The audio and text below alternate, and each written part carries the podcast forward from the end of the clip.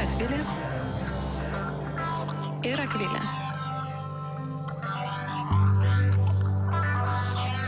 Savaime nesuprantama.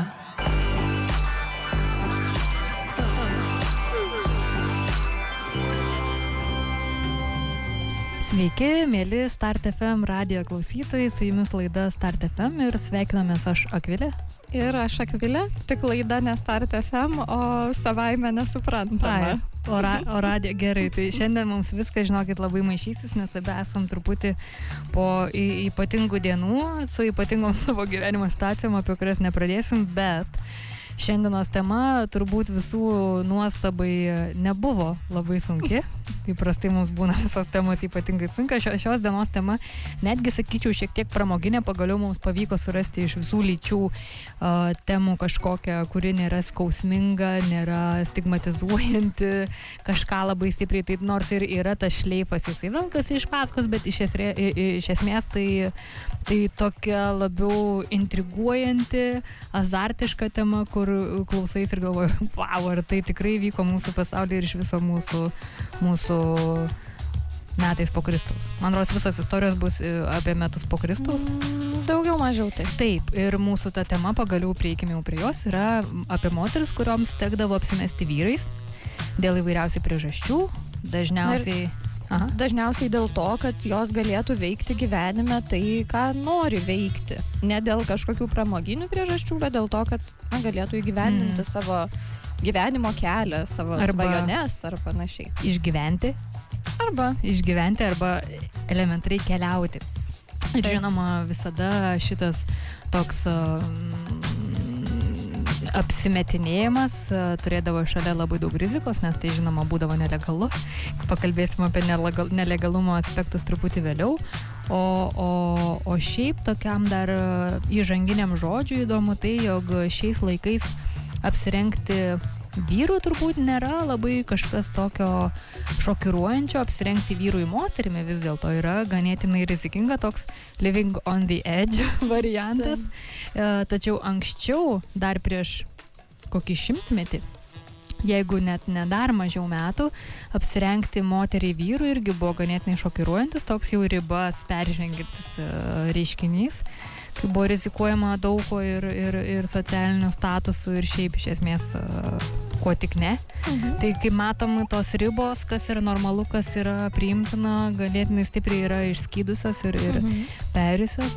O iš persirenginėjimo istorijos greičiausiai daugiausiai istorijų yra karo istorijoje. Labai daug moterų yra kariausios, labai daug moterų yra per, persirengusios va, Akvilė prieš laidą sakė, kodėl aš taip dar aš nebūčiau taip. Aš irgi ne, nes aš iš esmės ne už karą. Bet uh, lygiai taip pat reikia nepamiršti, kad nemažai vyrų persirengia moterimis tam, kad neįtų į karą. Tai čia tas toks tas lyčių balansas, ta harmonija visada, visada išlieka. Tai kalbant apie, apie įžanginius žodžius, aš daugiau neturiu ko pasakyti. Tai turbūt galim pradėti nuo istorijų. Pradėkime nuo istorijų. Ir mes kažkaip tai apsitarėm, kad pradėsim turbūt nuo rašytojų. A, tai Akvilė sakė, kad jai buvo e, visiškai išneštos smegenis dėl e, Džordžo Elioto, tai Taip. aš gal jai leisiu tada šitą istoriją ir papasakoti. Tai aš istorijos daugiau ir neturiu, man tiesiog buvo šokas, jog Džordžas Eliotas vis dar yra, nes dauguma kita istorija, kur bus, tai jau, jau žmogus, ta rašytoja, yra vadinama savo tikrųjų vardu. Mhm. O Džordžas Eliotas, kuris iš tikrųjų buvo, koks, koks, kokios buvo, koks buvo jos vardas? Mary Ann Evans. Taip, tai ir toliau mes ją vadinam Džordžo Eliotu, nors jinai yra Mary Ann Evans. Tai man, man yra šokas. Na, jinai mm, rašė mm, vyrų apsimesdama dėl to, kad tiesiog ją skaitytų, kad jinai turėtų teisę į, į, į plunksną. Taip, ir kaip irgi yra jos na, pa, pasisakymas toks, kad jinai mane, kad vyriškas lapyvardis apsaugos nuo moteriškumo stereotipų, nes moterų rašoma literatūra na, nebuvo labai rimtai vertinama. Na taip, taip. o Džordžas Eliotas taigi legendų legenda, literatūros pasaulį klasikų klasikai ir, ir kiek man teko skaityti, tai nesenstantis, nesenstantis šedevras, visas, visas jo, jos kūrinys, kūrinyje. E, dar viena e, iš tokių tikrai žinomų rašytojų tai yra e, Charlotte Bronte Mhm. ir tiksliau gal seserys Brontės, nes jos visos e, pasirašinėjo, pasirodo, vyriškais slapyvardžiais. Mm, tai na ir klasikinis romanas Jane Eyre irgi buvo parašytas prisidengiant kurerio Belo slapyvardžiu. Na ir kitos dvi seserys Brontės irgi elgėsi taip pat, jos e, prisidengė Eliso ir Ektono Belų slapyvardžiais. Na ir Vietrų kalnas Emilės Brontės parašytas taip pat irgi buvo e, su slapyvardžiu. Na ir yra tokia citata. Nenorėjome, kad būtų žinoma, jog mes moteris, kadangi mūsų rašymo stilius ir išsakytos mintis netitiko tų laikų moteriškumo. Buvome įsitikinę, kad į moteris rašytojas, turi, e, į rašytojas bus žiūrima su iš ankstiniu nusistatymu. Na tai va, nes e, moterų parašyti e, dalykai tai buvo tokie, nu, trupučiuką pliurpalai. Pliurpalai, pliurpalai. Ir, ir Taip. kas įdomiausia, jog šitas uh, moterų plunksnos. Kas toks šleifas, jau sakiau šleifą vieną kartą, reikia kitą žodį sugalvoti. Na, žodžiu, jisai velkasi iki šiol. Pavyzdžiui, Hario Poterio rašytojo, legendinio Hario Poterio, nežinau kiek milijonų prikrovusių rašytojai uh, į banko sąskaitą, J.K. Rowling. Tai kai išeidinėjo pirmasis, pirmasis tomas, Haris Poteris ir išminties akmuo, dabar jis skaitau savo sūnų prieš miegą, tai, e, tai e, leidėjas prašė savo vardą, jinai šiaip Joana yra, Joanne, uh, suvyrinti, nes taikoma į labiau į vaikinų publiką, į vyrų Taip. publiką, tai, tai padaryti taip ir man buvo, na tikrai ir vėl man išnešė smegenis, kaip ir šiais laikais taip, taip dar yra daroma ir žinoma, tai yra daroma ir dar bus ilgai daroma. Taip, ir labai įdomu tas toks momentas, kad, kad tos berniukiškos e, jaunų e, vaikinų auditorijos, e, kuri galimai skaitys Harry Potterį, net baidytų moterišką autorę. Žodžiu, moterišką autorės pavardė. Na, tai irgi šiek tiek atrodo. Šiaip jau tikrai labai keista. Na, jo, jo, jo, bet, nu, tokios yra labai nelogiškos, bet tokios yra tam tikrų žmonių patriarchato taisyklės, ar ne? Taip. Tai dabar su rašytojais baigiam, šiaip yra tikrai daug daugiau pavyzdžių, bet čia tokie mums padarė didžiausią įspūdį. Ir pereikim prie kito segmento, mes taip susiskirstėme į keletą segmentų. Rašytojos, karininkės, Sportininkės, Sportininkės, gydytojos. gydytojos ir, ir šiaip tokios Tiesiog įdomios personos. įdomios personos, netgi ir žmonių, kurie šiaip nieko ypatingo gyvenime ne, ne, nu, nenuveikė, bet jų lyties tas uh, apsimetinėjimas uh, padarė, padarė istoriją. Na tai dabar kas? Karininkės. karininkės. Taip. E, Karininkės tai galima e, turbūt pradėti nuo labai senos istorijos ir e, turbūt daugeliui pažįstamos ir girdėtos, tai yra istorijos apie Mulan. E, tai iš klasikinio Disnėjaus filmuko, kurio aš dėja nemačiau, bet dabar galvoju, kad reikėtų gal ir pasižiūrėti. A, Tai pasirodo, šis filmukas yra paremtas senovinė kinų baladė apie merginą, kuri išėjo tarnauti į armiją vietoj savo pagyvenusio tėvo. A, Teigiama, kad šita baladė galėjo būti sukurta apie 500 metų prieš mūsų erą. Tai va čia turbūt būtų pati seniausia Mhm. istorija, kuri įvyko dar prieš mūsų. Bent jau iš, iš mūsų. Era. Iš, Taip, iš mūsų aptariamų šiandien. jo, nes realiai tai yra ir antikos laikai, Taip. ten turi savo istorijų ir, ir žinoma ir kitų kultūrų. Arabų kultūra irgi turi Taip. savo, savo apsimetinėjimo istorijų, legendų. Taip. Tai e, Mulan praleido daugiau nei 10 metų kariuomenėje, kovodama ir kildama karjeros laiptais ir jinai netgi tapo kung fu meistrė. E, Na, tačiau karai pasibaigus, jinai e, grįžo namo ir toliau gyveno savo įprastinį gyvenimą. Tai jinai iš tikrųjų buvo e, kieta karžygė. Archeologinių įrodymų apie Mulan egzistavimą nėra, bet šita istorija yra iš esmės užfiksuota literatūroje, na ir Mhm. tose senovinėse baladėse. Tai va, tai tokia gana įdomi pati seniausia mūsų Mhm. šiandienos istorija, kuri yra ir animacinis filmukas. Įkvepiantis. Taip. Įkvepiantis, taip. A, aš turiu istoriją apie, apie švedę tokią, Ulrika. Per daug. Ulrika Eleonoro Stolhammer, kažkaip taip reikėtų švediškai turbūt suvaidinti akcentą. Tai e, šiaip jos istorija nieko neipatinga, dalykas tas, jog jinai visada mėgo labiau tokius vyriškus dalykus, bet tai, tai dar nieko nereiškia, viskas nutiko, kai jos tėtis, labai prasiskolinęs tėtis mirė, paliko penkias dukras ir jos buvo dėl tų visų skolų ištekinamos ganėtinai ne, nepalankiom sąlygom pagal tas e, suplanuotas santokas ir, ir Eleonorai Uliurikai visai nepatiko šitas variantas ir jinai pabėgo iš namų pasivogus arklį, įstojo į armiją, jai ten kautis nereikėjo. Tačiau jinai kilo pareigose, tapo kapralė Mhm. ir, ir buvo keista tuo, jog visada nuomojasi atskirai kambarį, nes jinai Mhm. prieėmė, vyro jau tada tą a, vaidmenį. Rolė. Jo, nuomojasi kambarį, barakose negyveno ir savo tą stipendiją švaistė ant, ant, ant privataus gyvenimo ir galiausiai vedė kambarinę. O ta Mhm. kambarinė jau po to, kai o, tos Ulrikos sesuo įskundė, sužinojusi, kas čia įvyko, įskundė Mhm. valdžiai, ką, ką pada, kokią nuodėmę padarė ta jos sesuo. Tai ta pasirodo kambarinė jos a, mylimoji. Visada galva, Marija Leonman.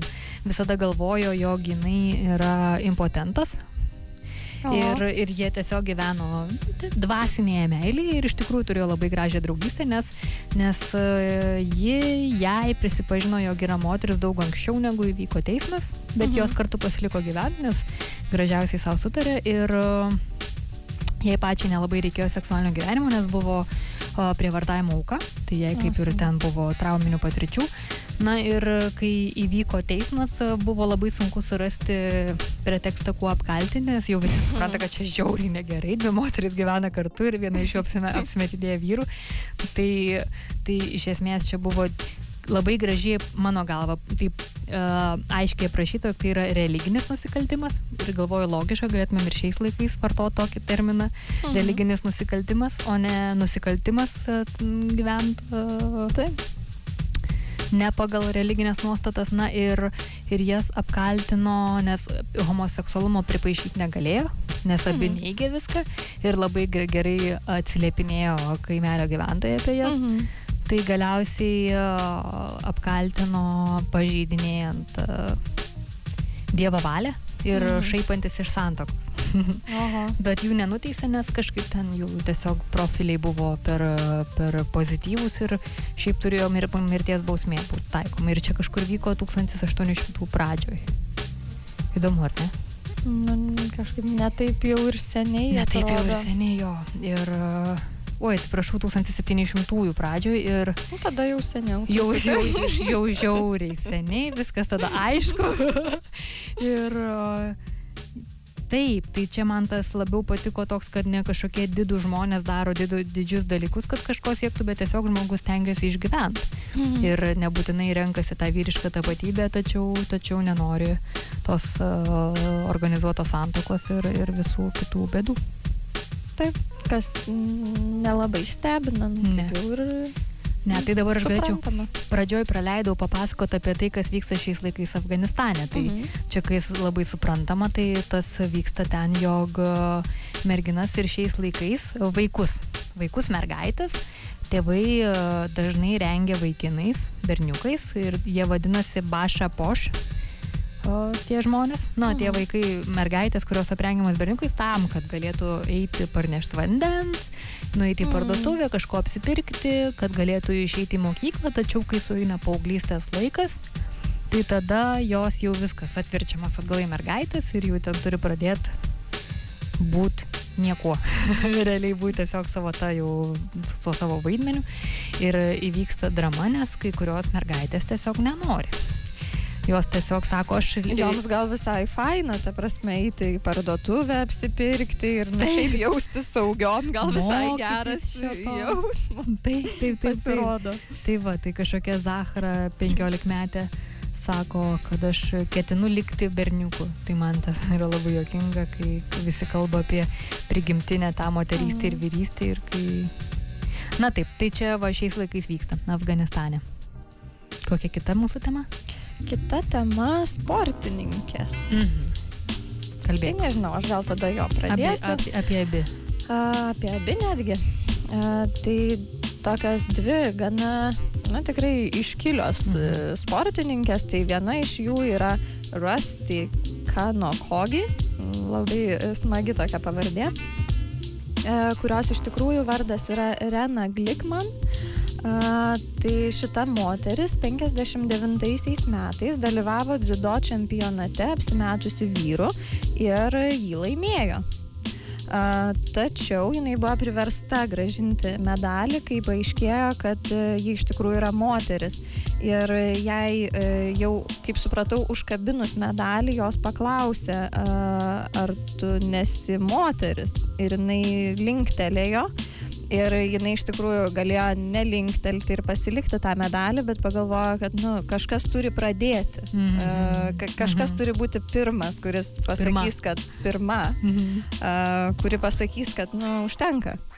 Mes, mes irgi taip pat turim dziudo teisę, dalių. taip, teisę dalyvauti mm. dziudo turnyruose ir juos laimėti. Čia gal reikėtų pabrėžti, kad jinai laimėjo, žinoma, prieš vyrus, jinai nukovė visus vyrus. Taip. Nes moteris tiesiog negalėjo dalyvauti. Taip, jie net neturėjo kur dalyvauti. Taip. Na ir iš jos buvo atimtas tas medalis, tai čia tokia, nežinau, kaip vos ne keršto istorija. Kanokogi išvyksta į Japoniją ir jinai ten tapo pirmąją moterimi, kuri treniravosi su vyrais Kodokane, tai yra mhm. pasaulinėme dziudo centre, kas mhm. yra jau, nu, toksai aukštas laiptelis, sakykime. Dziudo gimtiniai turbūt. Taip, taip. Ir vėliau jinai dirbo dėl to, kad moterų dziudo taptų mhm. olimpinė šaka. Tai čia 59 visiems primenu. Taip, ir jau 88 olimpiadoje ji treniravo pirmąją olimpinę moterų dziudo komandą. Na ir įsteigė pirmąjį moterų dziudo čempionatą. E, bet kas yra įdomu, tai nesunku rasti tą video 2009 e, metais, tai yra po 50 metų, Kano Kogi atgavo savo medalį, kuris buvo atimtas. Kelintais iš jos atgavo? 2009. Jisai buvo jai įteiktas vėl iš naujo, tas medalis, kurį jinai užsitarnavo prieš 50 e, metų. Puikiai. Ką tai teisybė yra. Šiaip iš tikrųjų tai tokia kieta močiutė, tai man, man pasirodė tai labai faina. Tai ir, ir vienas daug yra istorijų, kai dalyvauja, bet čia dar tas faktas, tai. jog mhm, nugali ir, ir kitus vyrus, tai nėra turbūt kasdienė istorija. Taip, tai iš tikrųjų labai kieta sportininkė. Na, o antroji, tai yra Katrina Svicer. Ji buvo 20, kai tapo pirmąją moterimi registruota į legendinį Bostono maratoną 67-aisiais. Iki tol moteriams buvo leidžiama neoficialiai dalyvauti, nu, maždaug mhm. bėgti, bet e, jos e, Šalia. nebuvo pripažįstamos Aha. Bostono Numerį atletikos asoci asociacijos. Mhm, taip. Jo, taip, oficialiai, žodžiu, nebūdavo pripažįstamos registracijos dokumentus Vicar pasirašė pažymėdama tik inicialus K ir V kažkodėl. Ir vėliau teigia, kad taip nebu, nes, nesiekė suklaidinti organizatorių. Nu, čia matyt, kai jau viskas iškilo aikštėn ir ją pradėjo visai ten kolioti, mhm. kad jinai, kaip jinai drįso, žodžiu, tam sudalyvauti visą teisiškai maratone. Drįso bėgti. Taip. Um, ir, na, Svicer tapatybė buvo atskleista, dėl to kilo pasipiktinimo banga. E, netgi vienas iš maratono darbuotojų bandė fiziškai ją išstumti iš bėgimo. Ir nuplėšti numerį. Taip, ir yra, yra tas, ta nuotrauka, mhm. nuotrauka tai užfiksuota, kaip tai atrodo, a, tačiau Svicar vaikinas jį nustumė, nes jis irgi bėgo šalia ir, žodžiu, na, jinai kaip ir gavo galimybę pabaigti tą maratoną. E, na, kitas e, oficialus maratono darbuotojas e, pareiškė, kad jei ta mergina būtų mano dukra, aš jai gerai įkrėščiau. Tai va, tai įsivaizduot, kokia buvo, nu, gėda maždaug, kad, va, kaip jinai čia šitaip drįso pasielgti. Kas dabar atrodo, nu, tikrai kaip iš fantastikos mhm. pasaulio. Aš taip net atrodo, net skaitai ir mhm. ką. Bet 67-ieji Viso labo, mano mama jau buvo seniai gimus. Tai va. Mama, tu jau buvai gimus, kai šitą, šitą beleberdą dėjusi. Taip. Tai turbūt tiek apie, Apie sportininkės, žinoma, jų yra ir daugiau, bet mes čia tokią selektyvų, selektyvų a, parinkom variantą. Tai dabar gal išeikim į muzikinę pertraukėlį ir parinkom tokius a, tokias dainas su ypatingais žodžiais ir, ir šita bus apie toks mano laisvas vertimas, kad nieks tavęs mažulė nevadina, kai tu sėdi sostė. Tai paklausom gabalą. That's what he calls me. Cause that's what I am. That's what I am. Sveiki sugrįžę į eterį, su jumis Start FM ir savaime nesuprantama laida. Uh, mes čia juokavom per, per šitą muzikinę pertrauką, jog jokių būdų negalima rinktis dainų, kurios atrodo jau baigėsi, nes mums taiga persiprasideda širdies permušimai, jog negryšim laiku į eterį. Bet tai, mes jau čia, mes bet- grįžom, viskas gerai. Tęsiam, tęsiam apie moteris, kuriams tek, tekdavo apsimesti vyrais. Tai dabar visai pro savo išmanųjį kompiuterį bandau skrolinti ir surasti kitą istoriją. Jinai yra apie vienuolę Mariną iš 8 amžiaus. Bet aš negaliu. Va, štai, šventoji Marina, vienuolė Marina, kuri, būdama mažu, maža mergaitė, sekė savo tėtį į vienuolyną. Tu patais, nežinau, kad tu irgi skaitai, jeigu ką tu pridėsi Gerai. e, savo tėtį į vienuolyną, kad galėtų būti su juo įsivaizduoju dėl saugumo. Ir, Ir jai- moteris nebuvo ten įleidžiamos. Na taip. Jinai kaip ir norėjo tenai pakliūti. Tai Paprasčiausiai. tiesiog- Taip. taip. Ir jinai, žinoma, turėjo apsimesti, apsimesti berniuku, apsimesti vyru ir po kelių metų e, buvo taip, jog jie kažkur keliavo su savo tėčiu ir knaipės to užžygos Tai, pakeliai. pala, tu dar praleidai vieną faktą, kad e, jinai ir pati tapo e, vienu, Vienuoliu. vienuoliu Taip, Marinu. Marinusas. Taip, e, nes e, jinai iš pradžių kaip vaikas, tai jinai tik tai vaikščiojo nu, kartu su tėčiu, bet paskui jinai kaip ir pajuto pašaukimą ir pati panoro Aha. tapti vienuoliu ir jinai tapo tuo Mhm. vienuoliu ir netgi e, buvo laikoma tokiu labai pasišventusiu Mhm. vienuoliu Marinu. Ir, Ir, ir Mhm. tada įvyko istorija, apie kurią jau Akvilė pradėjo pasakoti, kai jiem bekeliaujant su tėčiu. Keliaujant su tėčiu, kažkokios pakeleivingos knaipės e, savininko dukra, na, kur galima permiegot, apkaltino tą vienuolį, e, padarius ją vaiką. Taip. Apšmeižė jį. Ir jis, ji, tas vienuolis, Marinusas, e, pripažino tą vaiką ir ėmėsi jo- jį auginti. Ir vienuoliai, žinoma, būdami labai geros širdies ir atlaidus iš, iš, išmetė jį iš vienuolyno, tačiau matydami, kaip jisai gatvėje labai skursdamas ir toliau rūpinasi tuo vaiku, vėl jiems atėjo širdis ir, ir jį priėmė. Ir, ir su sunumi, su tuo netikru sunumi, jie ten augo tam, tam vienuolynė ir galiausiai ir sunus tapo vienuoliu, ar ne? Šito aš jau A, jau tada čia aš jau šito. Gal jau tiesiog tu čia sukūrei? Viskas gerai. Ne, ne, ne, tikrai, nes aš per du šaltinius skaičiau, tai vienam čia buvo ta, ta pabaigos istorija. Ir, ir tik mirus tai Ma- Marinusui paaiškėjo, kad jisai yra Marina. Nes Taip. e, plaunant e, kūną paaiškėjo šitą tiesą, nes visą gyvenimą ir, ir neišaiškėjo ir ta visa Taip. didžiulė gėda nuo jo, nuo jo e, biografijos nukrito. Taip. Ir gal dėl to tapo šventuoju?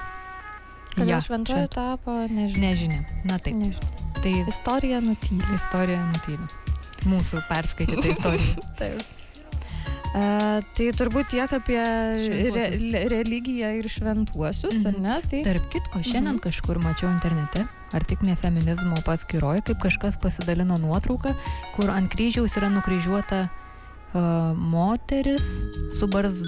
Truputį atrodo kaip končita iš tikrųjų. mm. Bet ir iš tikrųjų toks visas religinis tas settingas ir čia kažkokiam labai sena legenda, kažkokioj labai senoji vietoviai mhm. apie tą žmogų, kuris buvo moteris su barzda. ir dėl to nukryžiuotas ar... Nežinau dėl ko, bet čia jeigu... Nu va, tų istorijų yra daugiau, tik reikia atverti akis ir išplėsti Mhm. ausis. O mes dabar judam prie gydytojų. Taip, prie, prie Ne, gydytojų. Tokia e, irgi įdomi tikrai istorija apie daktarą e, Jamesą Barry, e, kuris gimė 1792 Airijoje kaip Ana Ba... Nemoku pasakyti pavardės. Balklai? Kažkaip taip. Tai va, tai gimė kaip Ana Mhm. ir Ana norėjo studijuoti tai, kas moteriams buvo uždrausta, ogi medicina. E, tačiau e, vis dėlto jinai su motina nuvyko į Edinburgą, kur įstojo į universitetą ir pradėjo mokytis medicinos bei literatūros kaip Džeimsas Baris. O Džeimsas Baris buvo jos dėdė, kuris mirė, jomis rūpinosi ir, ir iš dalies jinai tiesiog kartu jautė naštą, jog jinai turi pasirūpinti savo šeimą. Tai jinai perėmė ir jo drabužius, ir jo vardą su pavardė savo dėdės. Ir pradėjo daryti karjerą. A, tai jinai tapo daktarė. E, čia labai komplikuota iš tikrųjų šitose temose, ar jinai, ar jisai. Nu, bet, maišosi, taip. Bet jo, supraskime, jinai. kad jo, čia jinai tapo daktarė 1812 metais ir tai buvo pirmoji gydytoja moteris Britanijoje. Mhm. Na, aišku, tuo metu niekas nežinojo, kad Ik- irgi jis- jos mirties realiai. yra moteris. Taip. Tuomet ji išsikraustė į Londoną, įgyjo chirurgijos kvalifikaciją ir buvo išsiusta dirbti į armiją kaip pulko asistentas, na, Mhm. medicininė, medicininė prasme.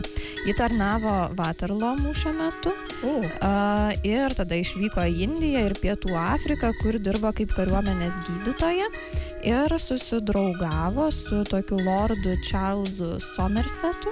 Mhm. A, na, jin buvo asmeninė jo, asmeninis gydytojas.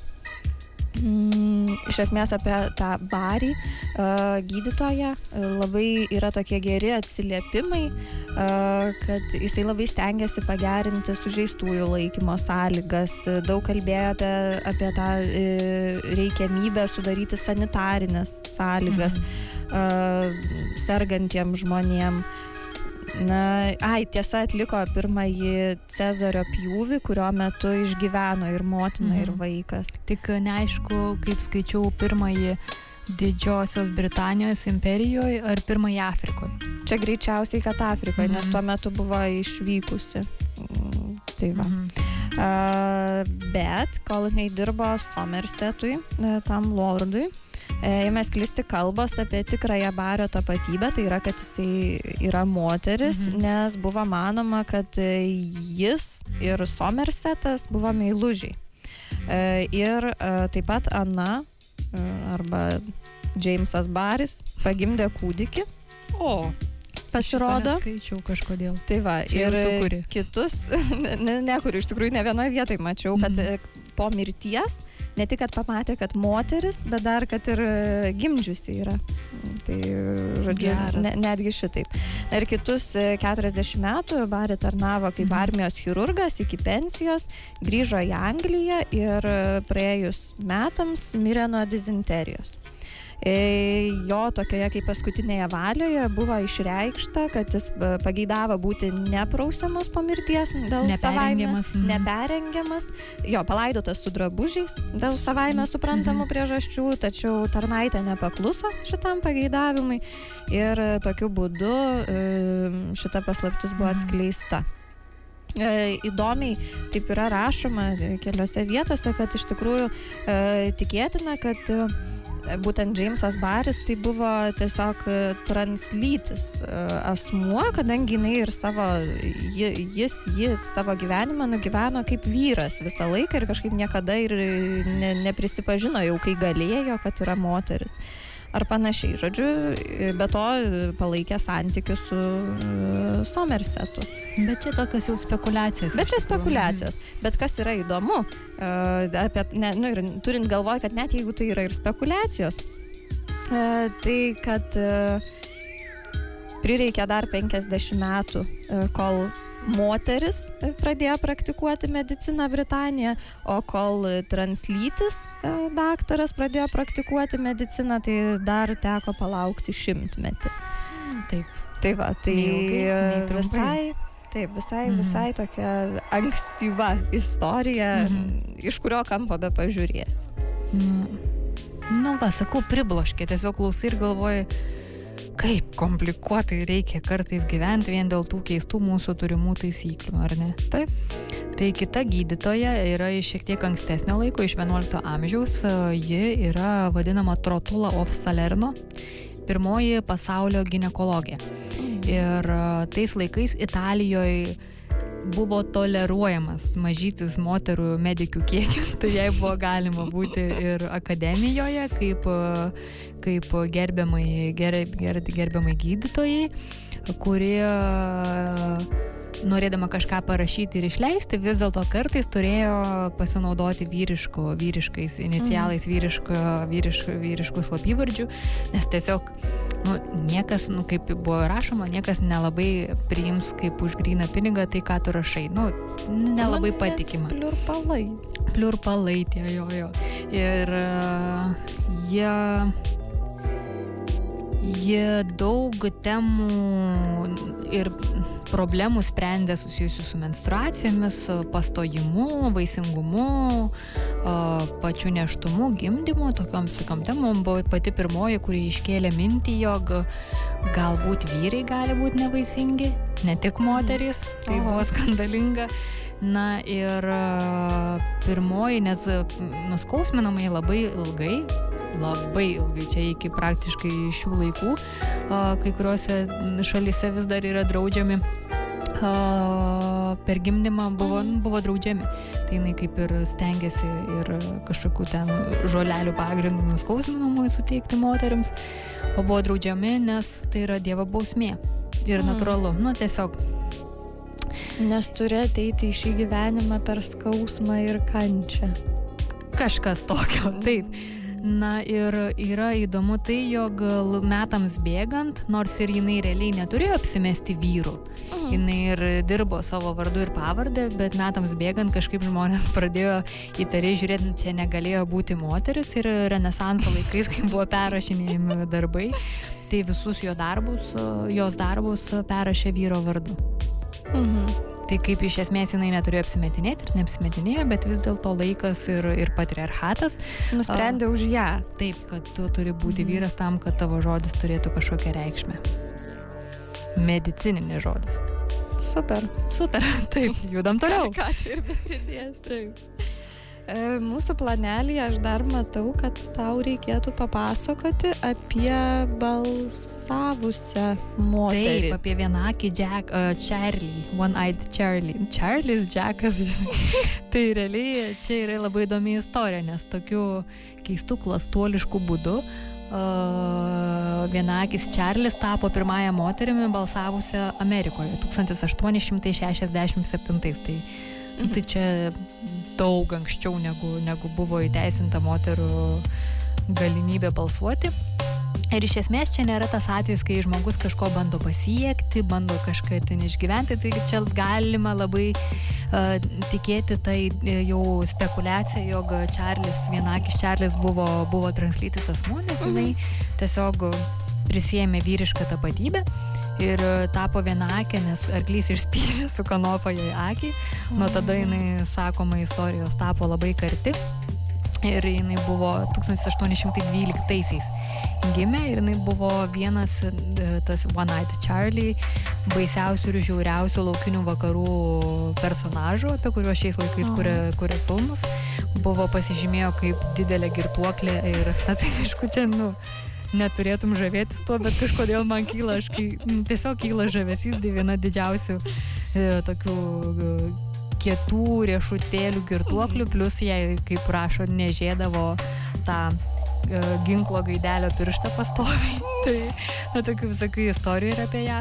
Na ir e, dalykas, kurį jinai padarė didu, tai tiesiog užsirašė Kalifornijai balsuotojų sąrašus ir kaip viena akis Čarlis balsavo rinkimuose.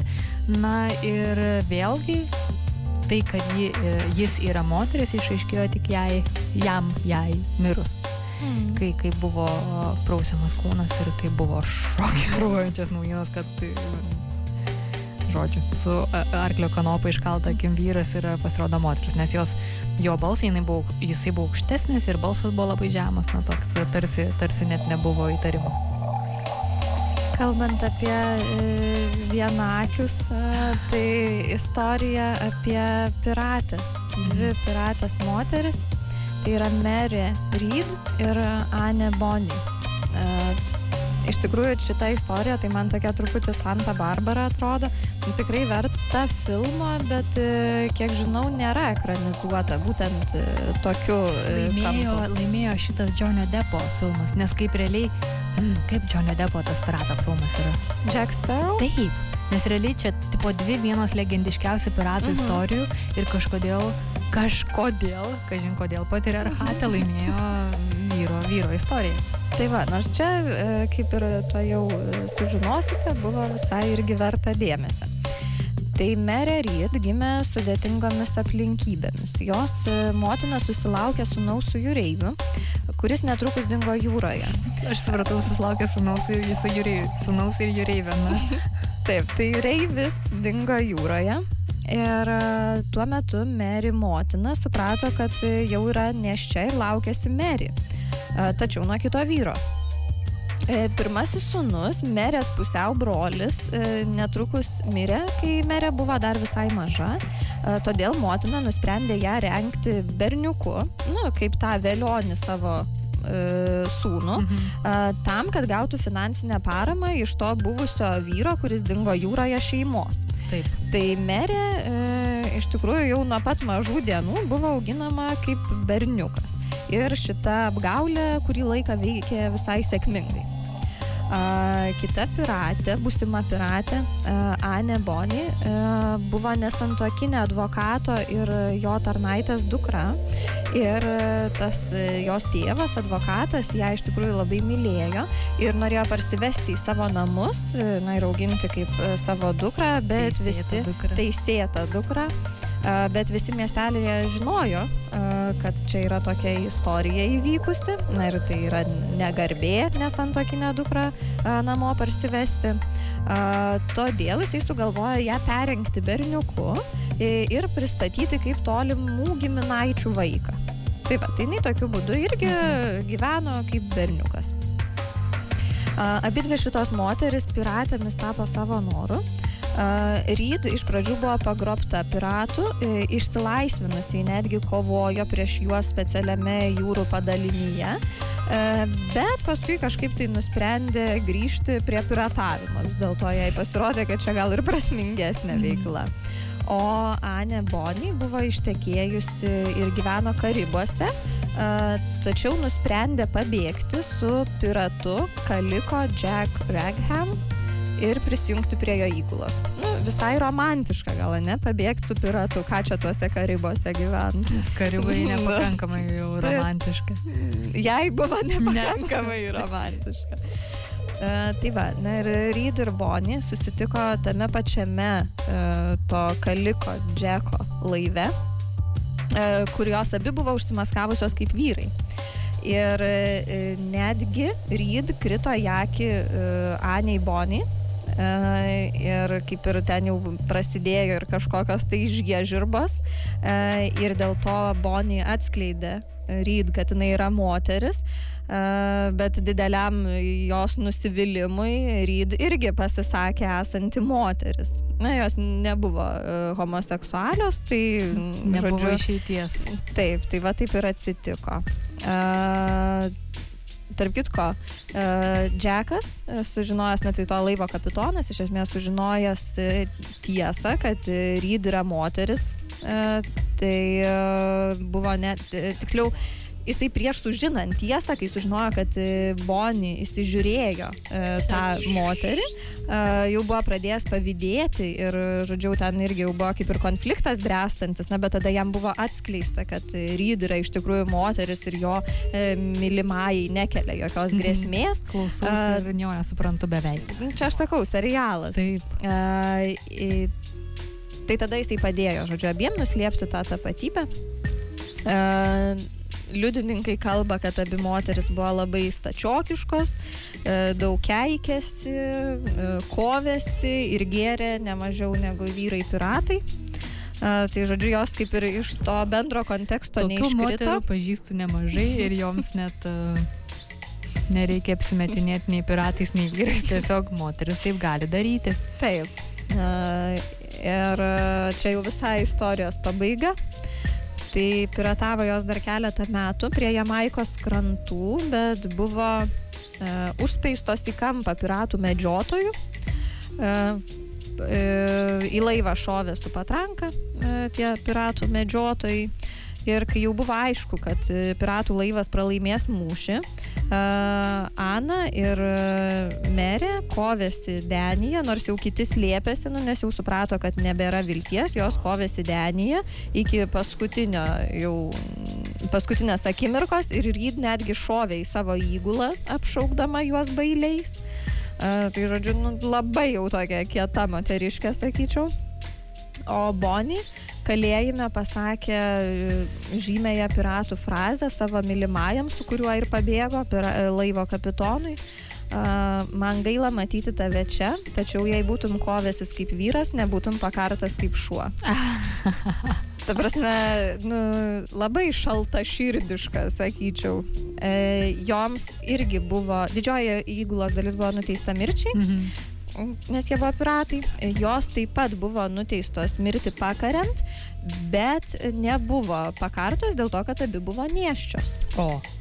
Tai va, paaiškėjo, kad jos abi nieščios, tačiau Ryd netrukus mirė kalėjime, o Bonnie išgyveno, bet e, kaip jos gyvenimas susiklostė toliau, istorija nutyli. Na Nei, ir- nei kaip jinai, nei kaip jos vaikas toliau gyveno, nieks nežino. Ko ne holivudinio filmo Tai aš istorija. sakau. Tikrai, Taip, tikrai.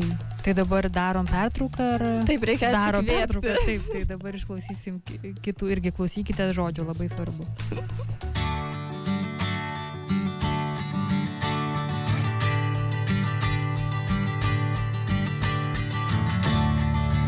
Poetry is no place for a heart that's a whore.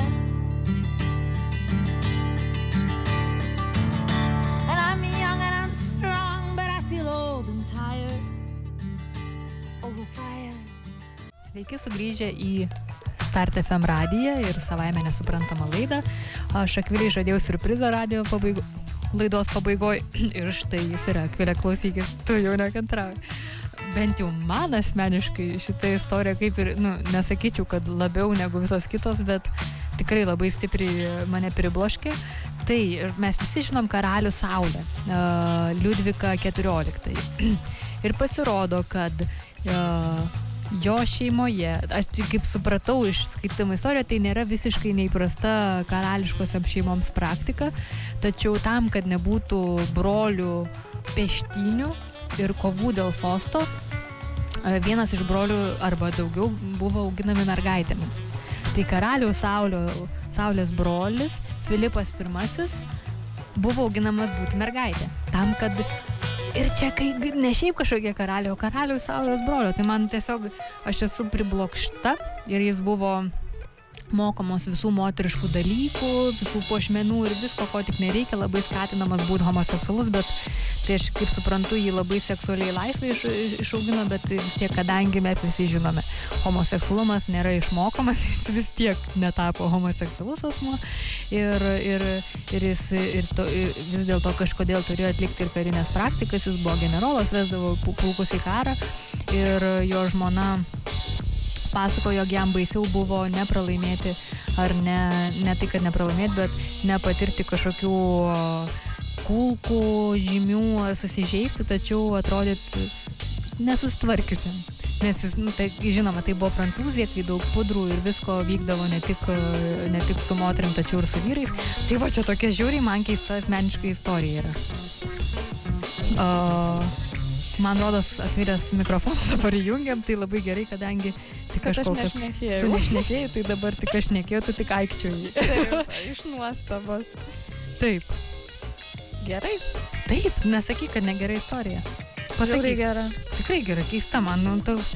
Ah, koks Sakyčiau, tai- sakyčiau, net ir pamokanti čia tokį labai pamokanti vat, momentą, kad kad ir kaip stengiasi išauginti kaip mergaitę ir kaip homoseksualų, bet, nu, nu, nu neišmokstama. taip, tam tikri dalykai neišmokstami, tai taip yra. Tai, tai pačiai pabaigai turime tik vieną istoriją. Jau tokia jinai labiau moralizuojanti ir parodanti ir kitą pusę. Aš žinau, kad atsiminiau, kad yra dar viena istorija, bet e, labai trumpa. Trumpa. Labai Varyk. trumpa. E, mes kažkaip tai pamiršom muzikantą, Billy Tiptoną. Mhm. E, tai Bilis Tiptonas buvo puikus džiazo muzikantas, talentingas pianistas ir saksofonistas. E, jisai grojo su... Jisai jinai. Jisai jinai jo, grojo su džiazo žvaigždėmis, sukūrė savo trijo ir draugams ir kaimynams Billy. Bilis atrodė labai šeimos žmogus, mylintis tėvas, e, puikus vyras ir tiesa labai geras tėvas trims įvaikintiems savo sunums.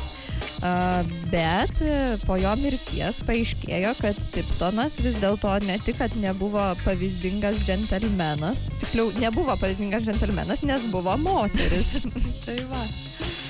Tai va, ir iš tikrųjų šita naujiena labai pribloškė visus ir ypatingai jo vaikus, nes niekas nieko niekada neįtarė.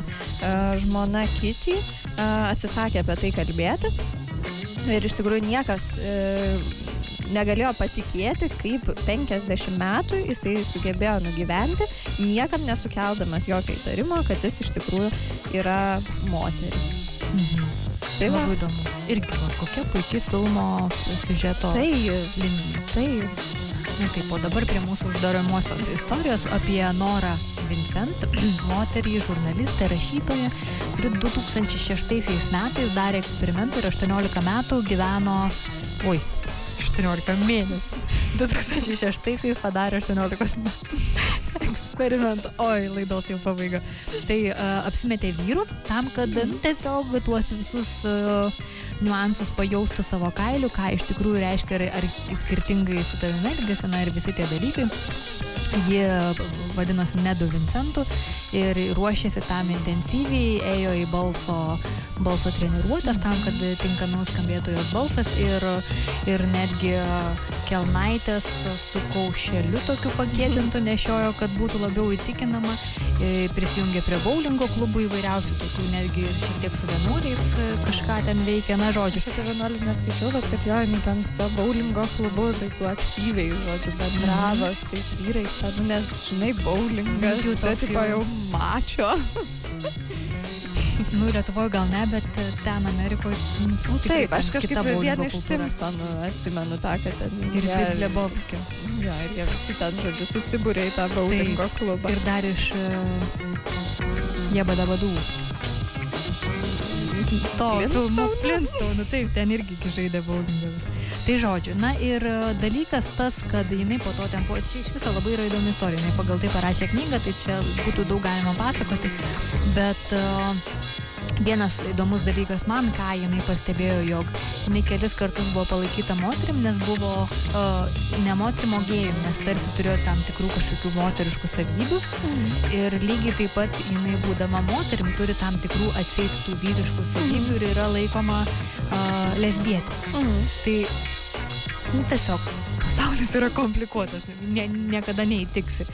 Na ir, ir jinai apie savo patirtį būnant vyrų nekalba apie tai, jog čia kažkokios baisios privilegijos, kad yra ir kita pusė, jog jinai suprato savo moteriškosios pusės turimas privilegijas ir, ir kalba dabar daug apie tai, jog vyrams reikia daug pagalbos Mhm. būtent šnekant apie maskulinizmo temas, jog, jog yra labai daug diskriminacijos ir spaudimo įtampų, įtampų vyriškoje pusėje ir jiems reikia ir vien, vieniems kitų, vyrams reikia labiau atsiverti ir būti vieni su kitais ir, ir, ir iš viso visuomenės kur kas didesnio supratimo ir palaikymo, būnant žmonėmis, o ne kažkokiom bejausmėm mašinom. Taip. Tai, a, tai Ir dar e, irgi mm, skaičiau, kad tą stereotipą tokį įsitikino, kad tai yra stereotipas, kad ten vyrai va žaisdami bowlingą pasiemė alaus, ten šneka apie moteris kažką. Tai, Bet tai, vienas bowlingo klubas, aš po to galvojau, nu, kad tai Nu, nereiškia, žinai, kad Nu, nu, gal. nėra kad, visiškai. e, kad, nu, žodžiu, iš esmės tai jo žinutė buvo, kad, nu, tai vyrai irgi žmonės. Taip, taip, taip, taip, ir kad jie nėra, kaip čia džedžinti lietuviškai, nėra tokie Smerkiantis. smerkiantieji, apkalbinantieji, nes moteris lygiai tą patį daro. Na, žodžiu, kad iš esmės nesibadyti pirštais, o, o labiau vieniems kitus suprasti reikia. Jin po to polė gilę depresiją. Kiek pamenu, na, įsivaizduoju, toks didžiulis gyvenimo Nu, iššūkis. taip. Tai va, tiek tų istorijų ir turime. Ta mūsų toks moralas būtų, jog uh, puiku, jog bent jau mūsų vakarų visuomeniai, tikrai ne Afganistane, laik, dalykai laisvėjo, jog mes labiau galim mėgautis uh, gyvenimo įvairovę, būti patys įvairūs ir įvairios. Tačiau, ir būti savimi. Būti ne, savimi. Nepriklausomai, kuo tu nori būti. Ar, ar tu e, gimiai kaip vyras ir nori būti vyras, ar, ar tu gimiai kaip vyras nori būti moterim. Nu, ta prasme, čia kas tas Ai, vyras ir kas tas moteris. Tai, nu, va. tai būtent, tai kas yra biologija ir kas yra sociumas. Tai labai Taip. manau, iš šitos mūsų visų istorijų matosi, kiek daug sociumo yra šitose Taip. temose. Tiesiog ir gal reikia priimti žmonės tokius, kokie jie yra, pagaliau išdrysti tą padaryti. Mm. Ir tai... ne, nebesigilinti gal. Nebelįsti. Ir nors ir mes daug daugiau teisų turim, nepamirškim, kad Rowling Harry Poterio autoriai dar visai nesnei liepia atrodyti labiau vyriškų vardų tam, kad ją labiau pirktų. Ir jinai visiškai, manau, ją pirko tikrai ne dėl jos vardo, o dėl to, ką jinai parašė ir kaip jinai parašė. Taip. Tai puiku. Manau, šią savaime nesuprantamą laidą baigiam. Baigiam.